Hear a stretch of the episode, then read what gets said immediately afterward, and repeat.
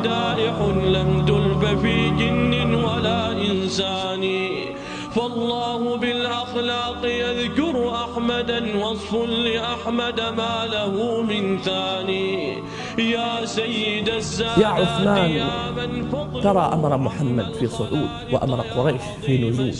قال له ماذا تريد يا خالد قال دعنا نذهب وندخل فيما يدعو إليه هذا الرجل. قال والله إن هذا لفي ومن له جبل أحب بقدرة الرحمن يا من تكلم بالمديح قريبه وبفضله نطق البغيض الشان والله ما حسدوك إلا أنهم علموا أطامك سيد الأكوان الدرس الثامن. بدأنا الحديث في لقائنا الماضي عن الغزوات التي غزاها النبي صلى الله عليه وسلم. فذكرنا جملة من الغزوات وذكرنا أن النبي صلى الله عليه وسلم كان يقصد قريشا وعيرها يقصد قريشا وتجارتها. لماذا؟ لأن قريشا المشركين منهم استولوا على الأموال. التي كانت في أيدي صحابة النبي صلى الله عليه وسلم. أخذوا أموالهم أخرجوهم من ديارهم فجملة من تلك الأموال التي كانت في أيدي المشركين إنما هي أموال لأصحاب النبي صلى الله عليه وسلم. ولمن انتصر بعد ظلمه فأولئك ما عليهم من سبيل. إنما السبيل على الذين يظلمون الناس ويبغون في الأرض بغير الحق. علم النبي صلى الله عليه وسلم أن عيرا لقريش العير ما المقصود بالعير؟ العير الإبل تحمل البضاعة. فإن كانت الإبل ليس فيها شيء ما حمل معها شيء لا تسمى عيرا. العير خصوصا فأذن مؤذن أيتها العير إنكم لسارقون. هذه العير كانت محملة بالبضاعة خرجوا بها من مصر راجعين إلى الشام. راجعين إلى أبيهم يعقوب عليه السلام وإلى أولادهم.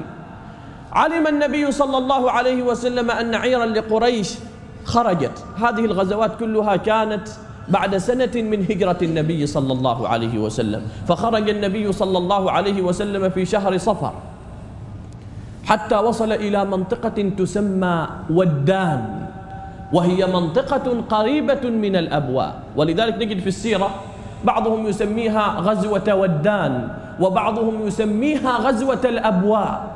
والأبواء سميت هذه الأبواء بالأبواء لتجمع السيول فيها.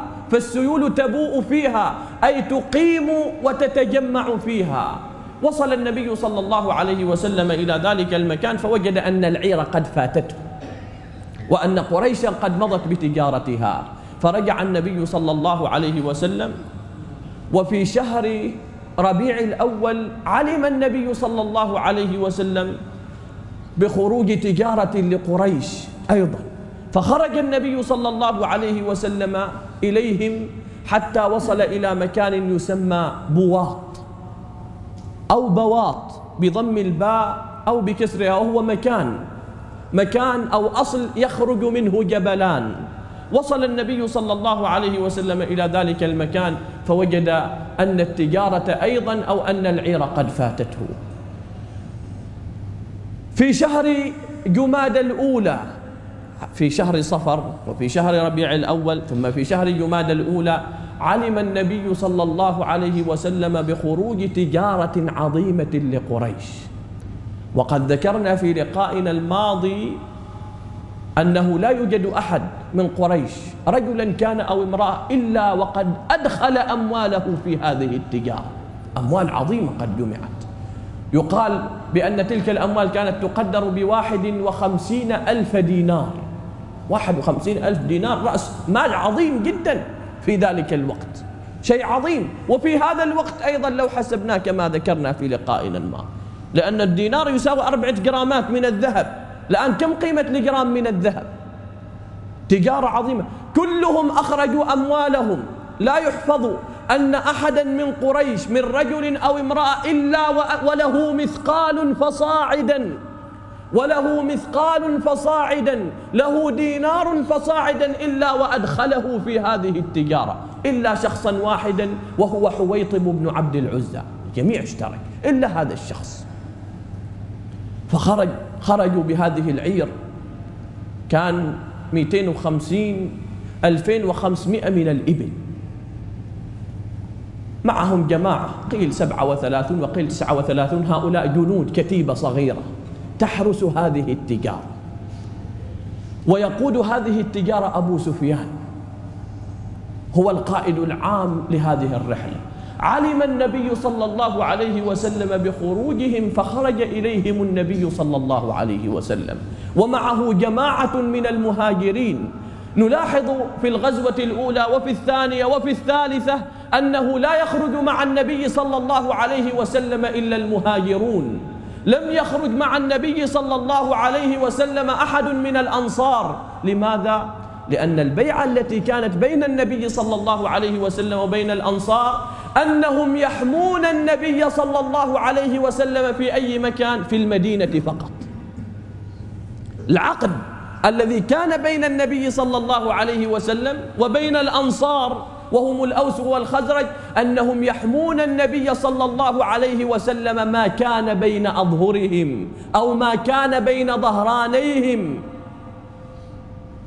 ما كان في المدينة فهم متكفلون بحماية النبي صلى الله عليه وسلم ويبذلون في سبيل ذلك أموالهم وأنفسهم وكل شيء. لكن عندما كان النبي صلى الله عليه وسلم يخرج من المدينة لا يخرجون معه لأن البيعة لم تكن متضمنة لهذا الأمر. خرج النبي صلى الله عليه وسلم عندما علم. خرج النبي صلى الله عليه وسلم حتى وصل إلى منطقة تعرف بالعشيرة. منطقة تعرف بالعشيرة وصل النبي صلى الله عليه وسلم إلى ذلك المكان فوجد أن العير قد فاتته أيضا. أبو سفيان تقدم وصل النبي صلى الله عليه وسلم بعد وصول تلك العير. يعني العير كانت مرت من ذلك المكان وذهبت متوجهة إلى الشام. وهذه العير هي التي جرى بسببها غزوة بدر الكبرى كما سيأتي. غزوة العشيرة أثناء ذهابها من مكة المكرمة إلى الشام وغزوة بدر وقعت أيضا أثناء رجوعها من الشام إلى مكة المكرمة كما سيأتي هذا الكلام كان في أي شهر؟ هذا الكلام كان في شهر جماد الأولى يعني بقيت هذه العير جماد الأولى وجماد الثانية ورجب وشعبان وغزوة بدر كانت في أي شهر؟ في شهر رمضان من هذه السنة وهي السنة الثانية من هجرة النبي صلى الله عليه وسلم. رجع النبي صلى الله عليه وسلم بعد أن فاتته العير ولم يمكث زمنا طويلا حتى وقعت غزوة أخرى وهي التي عرفت بغزوة بدر الصغرى أو غزوة سفوان أو سفوان. هذه كانت في أي شهر؟ في شهر جمادة. كانت في شهر جمادة. النبي صلى الله عليه وسلم بقي شهر جمادة بداية جمادة الآخرة رجع النبي صلى الله عليه وسلم. بقي النبي صلى الله عليه وسلم أياما قلائل عشرة أيام تقريبا فهجم رجل ومعه جماعة من أصحابه على سرح المدينة. تلك الأغنام التي كانت لصحابة النبي صلى الله عليه وسلم كانت لأهل المدينة. هجم هذا الرجل وهو مكرز بن جابر الفهري على سرح المدينة فعلم النبي صلى الله عليه وسلم بذلك فخرج النبي صلى الله عليه وسلم إليه ومعه جماعة من المهاجرين ويقصد النبي صلى الله عليه وسلم أن يلحقه. ويقع له تأديب. فسار النبي صلى الله عليه وسلم وراءه حتى وصل إلى واد يسمى سفوان بفتح الفاء والسين أو سفوان بفتح السين وتسكين الفاء وهو واد قريب من بدر. ولذلك نجد في السيرة منهم من يسميها سفوان ومنهم من يسميها غزوة بدر الصغرى. وصل النبي صلى الله عليه وسلم إلى ذلك المكان ففاته الرجل وهرب. فرجع النبي صلى الله عليه وسلم إلى المدينة المنورة. كانت هناك أيضا سرايا قبل غزوة بدر. أول سرية أو أول راية سرية هي التي لا يخرج فيها النبي صلى الله عليه وسلم وإنما يرسل قائدا عليها واحدا من أصحابه. وهذه السرايا كلها التي كانت قبل غزوة بدر كان يرسل النبي صلى الله عليه وسلم قوادا لها من المهاجرين للسبب الذي ذكرناه. عقد النبي صلى الله عليه وسلم الراية لعبيدة بن الحارث بن عبد المطلب وهو ابن عم النبي صلى الله عليه وسلم. هذا عبيدة كان من السابقين إلى الإسلام. أسلم قبل أن يدخل النبي صلى الله عليه وسلم دار الأرقم بن أبي الأرقم. النبي صلى الله عليه وسلم دخل دار الأرقم بن أبي الأرقم عندما وصل عدد أصحابه إلى أربعين. فكان النبي صلى الله عليه وسلم يجتمع بهم ويعلمهم. معنى ذلك أن عبيدة بن الحارث ابن عم النبي صلى الله عليه وسلم كان من السابقين في الإسلام. واستشهد في غزوة بدر كما سيأتي ذكره إن شاء الله. خرج عبيدة بن الحارث ومعه ستون وقيل ثمانون من المهاجرين. أرسلهم النبي صلى الله عليه وسلم حتى وصلوا أو بلغوا ماء بالحجاز بأسفل ثنية المرة. وصلوا إلى ذلك المكان فوجدوا ركبا من قريش جماعة من قريش. فيهم عكرمة بن أبي جهل. كان يتزعمهم عكرمة بن أبي جهل لكن لم يقع بينهم وبين أصحاب النبي صلى الله عليه وسلم قتال. ولكن ما الذي وقع؟ سعد بن أبي وقاص رمى سهما فأصاب به أحدا. فكان سهم سعد هو أول سهم رمي به في الإسلام. أول سهم رمي به في الإسلام هو سهم سعد. بن أبي وقاص. وأول دم أيضا أريق في الإسلام أراقه من؟ أراقه سعد بن أبي وقاص في مكة المكرمة. سعد بن أبي وقاص كان من السابقين إلى الإسلام أيضا. أسلم وعمره سبعة عشر عاما. فكان من السابقين إلى الإسلام. كان سعد بن أبي وقاص ومعه جماعة من صحابة النبي صلى الله عليه وسلم يضايقون. عندما يريدون الصلاة عند البيت الحرام عند الكعبة المشرفة. طبعا هناك صلاة قبل الصلوات الخمس ركعتان بالغداء وركعتان بالعشي. ولذلك كانوا يخرجون جماعات إلى صحاري مكة. هناك يصلون ويتفرغون للعبادة بحيث لا يؤذيهم أحد ولا يضايقهم أحد ولكن ما الذي وقع؟ وافق وقت صلاتهم أن جاء جماعة من القرشيين وقد كانوا على شرك فأخذوا يستهزئون بأصحاب النبي صلى الله عليه وسلم وهم يصلون. فما تمالك سعد نفسه فقام وأخذ شيئا أخذ لحى بعير. لحى البعير هذا لحى البعير. أخذ لحى بعير يعني بعير كان قد رمي هناك آه، قد رمي رأسه. وهذا اللحى هذا العظم كان موجودا فأخذه سعد وقام إلى أحدهم وضربه في رأسه فشج رأسه. فسال دم غضبا منهم أنهم يستهزئون بهم وهم يصلون. فسال دم ذلك المضروب فكان ذلك الدم أيضا أول دم أريق في سبيل الله وأراقه سعد بن أبي وقاص. رجع أصحاب النبي صلى الله عليه وسلم فعقد النبي صلى الله عليه وسلم راية أخرى. عقدها لحمزة بن عبد المطلب وهو عم النبي صلى الله عليه وسلم فسار حمزة بن عبد المطلب سار حمزة بن عبد المطلب حتى وصل إلى المكان الذي أرسله إليه النبي صلى الله عليه وسلم في منطقة تعرف بالعيص وهي قريبة من سيف البحر. أي قريبة من ساحل البحر. حمزة بن عبد المطلب لقي جماعة من قريش ولكن لم يقع بينه وبينهم قتال ولكن فر رجلان من كتيبة المشركين إلى المسلمين. وهم المقداد بن عمرو وهو المقداد بن الأسود وعتبة بن غزوان. هذان الرجلان كانا مسلمين. إلا أنهما كانا يخفيان إسلامهما. خرج مع المشركين على أنهم مقاتلون معهم ضد جيش النبي صلى الله عليه وسلم. أو ضد أصحاب النبي صلى الله عليه وسلم وهم في الحقيقة خرجا معهم ليتوصلا إلى أصحاب النبي صلى الله عليه وسلم بحيث يذهبان بعد ذلك مع أصحاب النبي صلى الله عليه وسلم. عندما التقى الفريقان خرج هذان الرجلان من حزب المشركين وانتقلا إلى حزب الإيمان ورجع بعد ذلك مع أصحاب النبي صلى الله عليه وسلم إلى المدينة المنورة.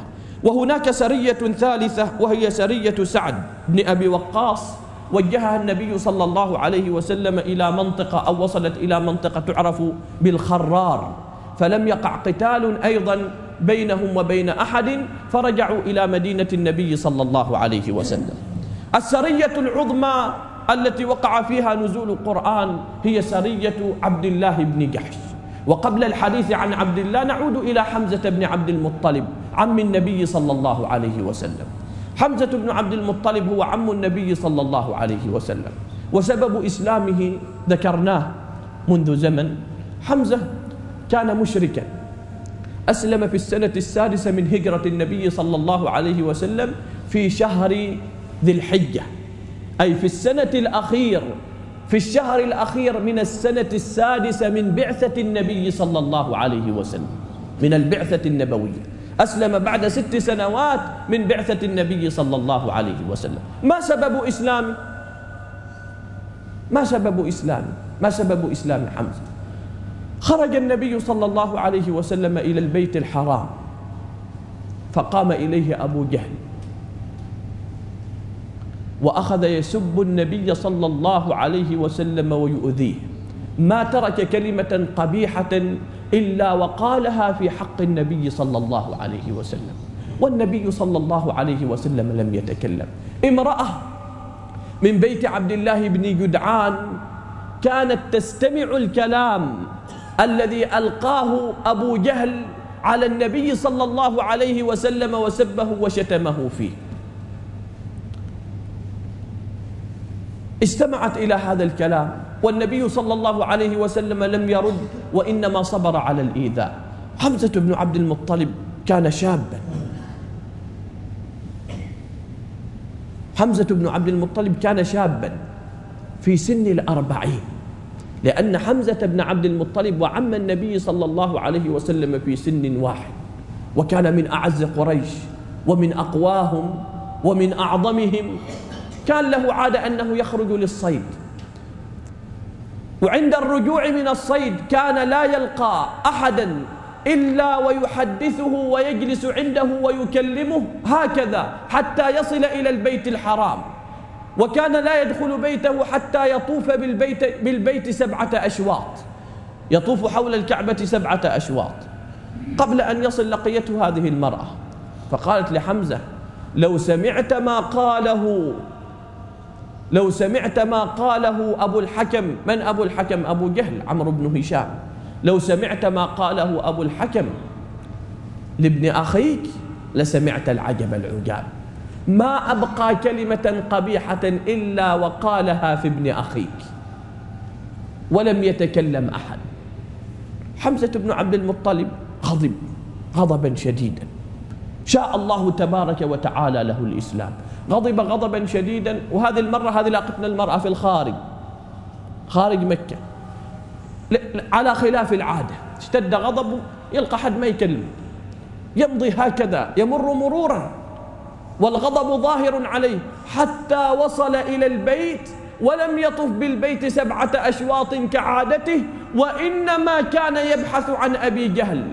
حتى وصل إلى أبي جهل وأخذ قوسه. فضربه به في رأسه فشجه وسال الدم من رأسه وسقط على الأرض.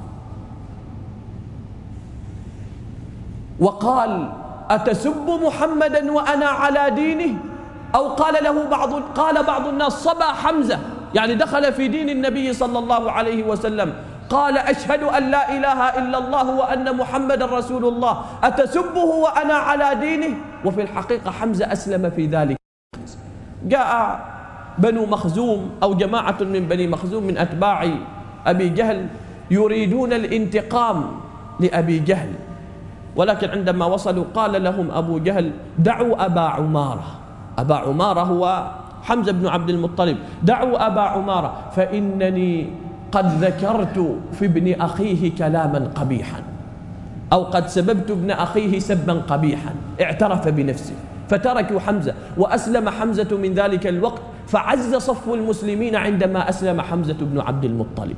وحمزة بن عبد المطلب بعد إسلامه أسلم رجل آخر عظيم وهو عمر بن الخطاب رضوان الله عليه وكان بين إسلام الرجلين كان بين إسلام الرجلين ثلاثة أيام. كان بين إسلام الرجلين ثلاثة أيام. فعز الإسلام بإسلام هذين الرجلين أو عز المسلمون بإسلام هذين الرجلين. سرية عبد الله بن جحش عبد الله بن جحش أيضا أسلم قبل دخول النبي صلى الله عليه وسلم دار الأرقم بن أبي الأرقم وأخته زينب هي زوجة النبي صلى الله عليه وسلم أم المؤمنين. هاجر الهجرتين عبد الله هاجر الهجرتين. هاجر إلى الحبشة وهاجر إلى المدينة المنورة. هاجر إلى الحبشة ومعه إخوته عبيد الله وأبو أحمد الذي كان ضريرا أي كان لا يبصر. ومعهم أخواتهم معهم أخواتهم ومعهم زوجاتهم. عبيد الله أخو عبد الله قيل إنه تنصر في الحبشة. تحول من الإسلام إلى النصرانية والعياذ بالله. فبقي بها ومات نصرانيا هناك. بعد أن تنصر كانت زوجته قد خرجت من رقبته وهي أم حبيبة رملة بنت أبي سفيان فتزوجها النبي صلى الله عليه وسلم وأرسل رجلا يخطبها وأوكل إلى رجل أن يخطبها للنبي صلى الله عليه وسلم. وهي لا تزال في الحبشة فرجعت بعد ذلك مع من رجع من المسلمين فأكرمها الله تبارك وتعالى بأن كانت بعد ذلك من أمهات المؤمنين. أرسل النبي صلى الله عليه وسلم عبد الله بن جحش في سرية فيها ثمانية ثمانية أشخاص. وأعطى النبي صلى الله عليه وسلم عبد الله كتابا رسالة. قال له خذ هذه الرسالة ولا تفتحها إلا بعد أن تسير يومين. بعد يومين من المسير افتح هذه الرسالة. فإن فتحتها فلا تكره بعد ذلك أحدا على السير معك. بعد ما تفتح هذه الرسالة وتشوفوا فيها ما تكره حد ممن معك على السير معك. خيرهم. بو يريد يواصل المسير معك واصل معك. والذي يريد أن يرجع فلا تكرهه على المسير معك. سار عبد الله يومين وبعد اليومين أخذ ذلك الكتاب الذي أعطاه إياه النبي صلى الله عليه وسلم فقرأه فوجد فيه أمرا من النبي صلى الله عليه وسلم أن يسير إلى نخلة نخلة موضع بين مكة والمدينة المنورة وهو أقرب إلى مكة. أن يسير إلى نخلة فيأتيه بأخبار قريش ويعود. فتح الكتاب أو فتح الرسالة وقرأه على أصحابه. وقال لهم أنا أواصل وأسير. لأن التخير دخله أيضا هو. أنا أواصل وأسير. من شاء أن يسير معي فليسر ومن شاء أن يرجع فالباب مفتوح للرجوع. كل من كان عند عبد الله رضي الله عنه سار معه ولم يرجع أحد من أصحاب النبي صلى الله عليه وسلم وتوجهوا إلى نخلة. في الطريق قبل أن يصلوا إلى نخلة سعد بن أبي وقاص وعتبة بن غزوان كان لهما بعير واحد يتعاقبان عليه. ما معنى ذلك؟ يركب سعد بن أبي وقاص وعتبة يسير برجليه مسافة هكذا.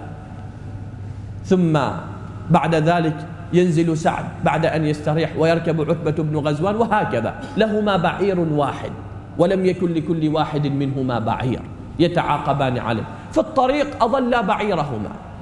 ما حاله صار ماذا يصنعان تخلفا عن الثمانية وبقيا يبحثان عن بعيرهما. بقي ستة. سعد بن أبي وقاص وعتبة بن غزوان تخلفا. فسار الستة قالوا بعد ما نحصل البعير نلحقكم فسار الستة حتى وصلوا إلى نخلة. وصلوا إلى نخلة وجدوا جماعة من المشركين. وجدوا جماعة من المشركين موجودين في ذلك الموضع وفيهم من كبراء قريش. فيهم عمرو بن الحضرمي وعثمان بن عبد الله ونوفل بن عبد الله وهو أخو عثمان والحكم بن كيسان ومعهم جماعة. ومعهم أيضا إبل وبضاعة. وهذا الكلام كان في شهر رجب. أرسلهم النبي صلى الله عليه وسلم في شهر رجب. شهر رجب معروف بأنه من الأشهر الحرم. وكان عند العرب الأشهر الحرم ليس فيها قتال أبدا. والأشهر, الحرم واحد فرد وثلاثة سرد. واحد منفرد وثلاثة متتالية. رجب هو الفرد والمتتالية هي ذو القعدة وذو الحجة والمحرم. هذه أربعة شهور لا يجوز فيها القتال عند العرب. حتى لو لقي أحدهم قاتل أبيه لو لقي أحدهم قاتل أبيه أو قاتل أخيه أو قاتل ابنه لا يحق له أن يقتله في هذه الأشهر. ممنوع القتال في هذه الأشهر. ولذلك بعد محرم يأتي شهر صفر. عاد لماذا شهر صفر؟ خطفت عليهم ثلاثة أشهر. لا مقاتلين ولا سارقين ولا مسوين شيء ويخلوا الناس صفر بعدين ما معهم شيء. شهر صفر. هذا الكلام كان في شهر رجب. الجماعة من المشركين عندما رأوا أصحاب النبي صلى الله عليه وسلم هابوا وخافوا قالوا مروحين فيها. هؤلاء الجماعة يأسروننا ويقتلوننا ويأخذون ما عندنا. لكن ما الذي وقع؟ عكاشة أو عكاشة بن محصن وهو أحد صحابة النبي صلى الله عليه وسلم صاحب المثل المشهور سبقك به عكاشة أو سبقك به عكاشة. أشرف عليهم ينظر إليهم أشرف ينظر إليهم. لما أشرف عليهم وتشوف عليهم أيضا شافوا عليه فرأوه حالقا رأسه. هو ما حالق رأسه ما أنه معتمر. يعني وافق عند خروجه من مكة من المدينة المنورة قبل أن يأمره النبي صلى الله عليه وسلم بالخروج حلق رأسه. فلما رأوه حالقا رأسه قالوا لا الجماعة معتمرين ما يسوي لنا شيء. ما دام معتمرين ما يسوي لنا شيء جايين للعمرة. أصحاب النبي صلى الله عليه وسلم تحير. ماذا يصنعون؟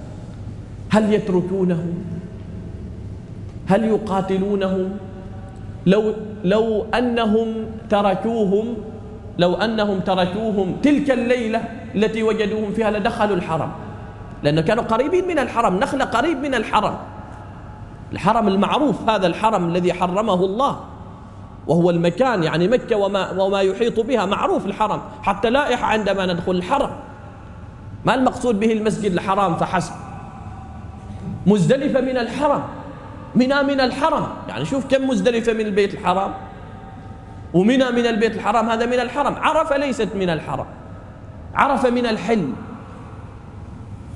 قالوا إذا خليناهم هذه الليلة يدخل الحرم. خلاص ومن يدخل الحرم ما يلنا نقاتلهم الحرم لا يجوز فيه القتال.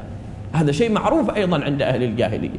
ويدخل الحرم لا يسمح له القتال. هذا من أعرافهم وهم منضبطون بهذا العرف. ولو أننا قاتلناهم أيضا. إحنا في شهر رجب. وشهر رجب من الأشهر الحرم. وما يجوز لنا أن نقاتل في الأشهر الحرم. فبقيوا الجماعة يتشاوروا يتشاوروا يتشاوروا. بعد ذلك أجمعوا على رأي. قالوا نقتله. قالوا نقاتله. قام أحد صحابة النبي صلى الله عليه وسلم وهو واقد بن عبد الله من الستة فرمى ابن الحضرمي رمى ابن الحضرمي رماه بسهم فقتله. والآخران والآخران رمى ابن الحضرمي وهو عمرو بن الحضرمي وأسر عثمان بن عبد الله والحكم بن كيسان. أما نوفل بن عبد الله أخو عثمان فإنه هرب. ما وحي علي وهرب. لكن قتلوا عمرو بن الحضرمي وأسروا من؟ وأسروا عثمان بن عبد الله والحكم بن كيسان. وأخذوا ما عندهم غنيمة. ما الذي فعله عبد الله؟ جو قسم هذه الغنيمة. قسمها إلى خمسة أقسام. أربعة.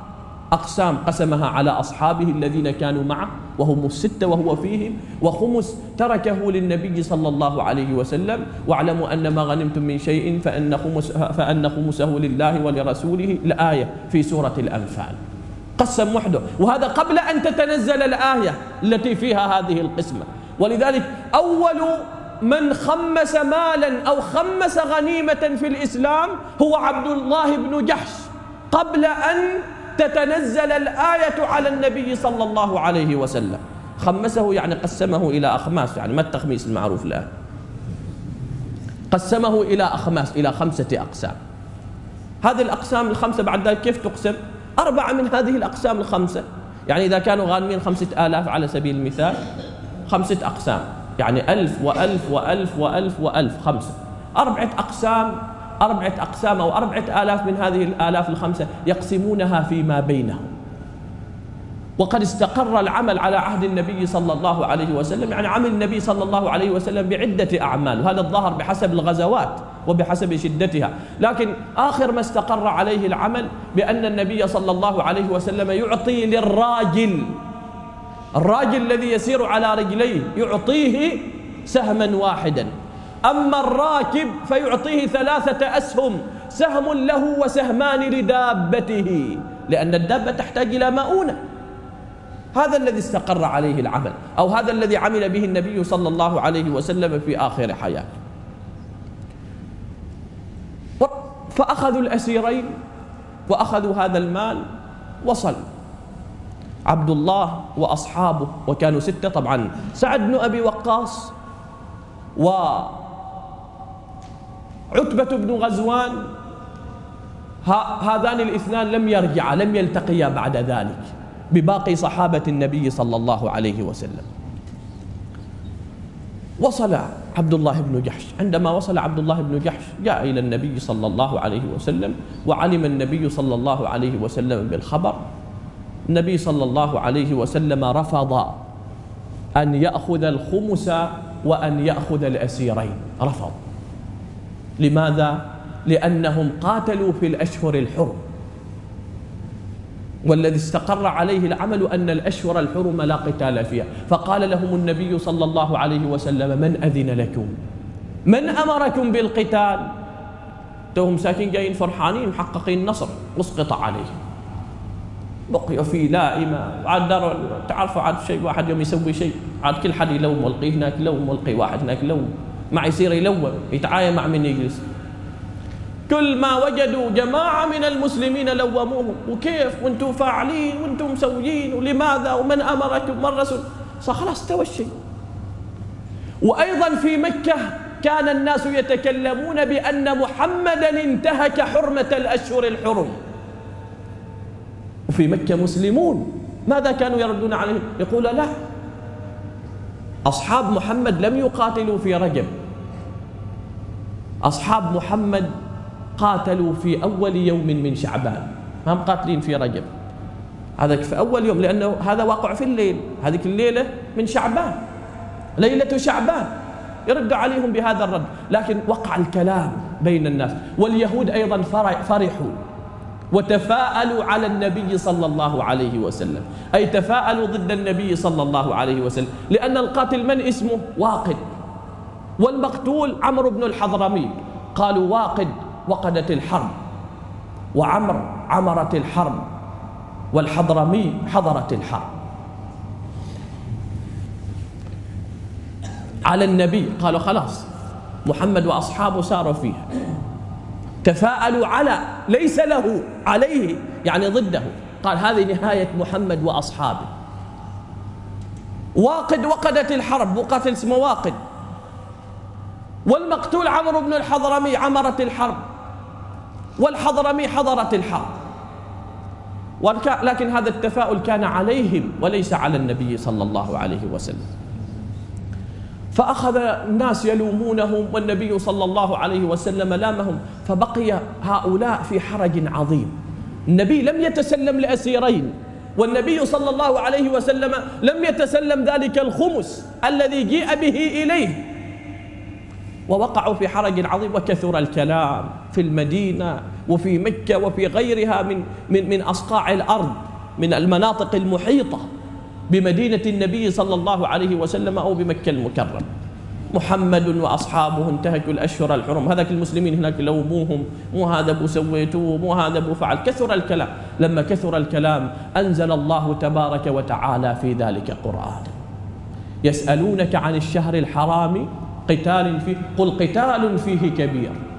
وصد عن سبيل الله وكفر به والمسجد الحرام وإخراج أهله منه أكبر عند الله والفتنة أشد من القتل. الله تبارك وتعالى صوب فعله. والفتنة أكبر من القتل. ما كانوا يفتنون المؤمنين عن دينهم؟ يؤذونهم حتى يفتنوهم عن دينهم. تلك الفتنة التي كانوا يقومون بها ضد ضد المؤمنين من أتباع النبي صلى الله عليه وسلم. هي أعظم عند الله تبارك وتعالى من هذه الحادثة وهي حادثة قتل عمرو بن الحضرمي. يسألونك عن الشهر الحرام قتال فيه قل قتال فيه كبير. وصد عن سبيل الله ما كانوا يصدون عن سبيل الله في الأشهر في الأشهر الحرم يصدون المؤمنين. هل كانوا ينقطعون عن تعذيب أصحاب النبي؟ عن إيذاء أصحاب النبي؟ عن فتنتهم عن دينهم عن صدهم عن المسجد الحرام.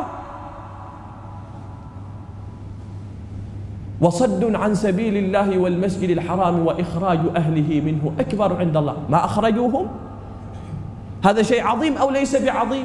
والفتنة أكبر من القتل. ولا يزالون يقاتلونكم حتى يردوكم عن دينكم إن استطاعوا. ومن يرتد منكم عن دينه فيمت وهو كافر فأولئك حبطت أعمالهم في الدنيا والآخرة وأولئك أصحاب النار هم فيها خالدون. ذهبت هذه الفتنة وسكت الناس وقبل النبي صلى الله عليه وسلم الأسيرين وأخذ الخمس. عبد الله رضوان الله عليه ما كفى هذا الأمر إن فعلهم صائب. هل لهم أجر الغازين أو ليس لهم أجر الغازين؟ هل لهم أجر المجاهدين أو ليس لهم أجر المجاهدين؟ هذا قيل قيل بأن فعلهم صحيح ولكن هل ينالون عند الله تبارك وتعالى أجر المجاهدين؟ فجاء إلى النبي صلى الله عليه وسلم فسأله فتنزلت الآية إن الذين آمنوا والذين هاجروا وجاهدوا في سبيل الله أولئك يرجون رحمة الله والله غفور رحيم.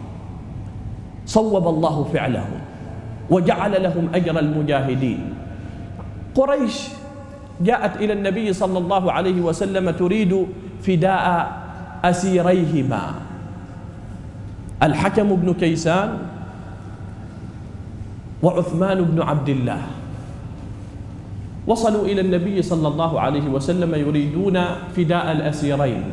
فرفض النبي صلى الله عليه وسلم أن يسلمهم الأسيرين. لماذا؟ لأن سعد بن أبي وقاص وعتبة بن غزوان لم يرجعا شيء احتمال بأنهم قتلوا. هذا الاحتمال قائم. النبي صلى الله عليه وسلم لا يعلم عنهم أين هم.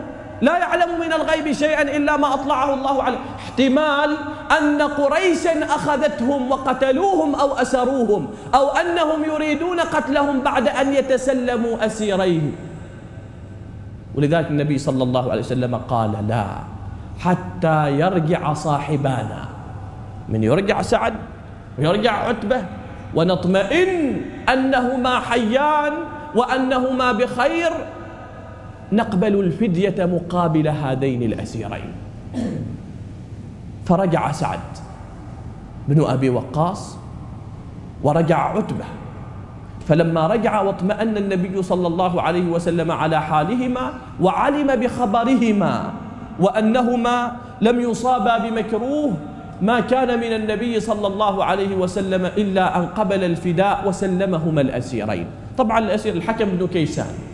الحكم بن كيسان بعد ما النبي صلى الله عليه وسلم قبل منه ولم يقتله الرجل قال لا فائدة من الرجوع إليه. فأسلم.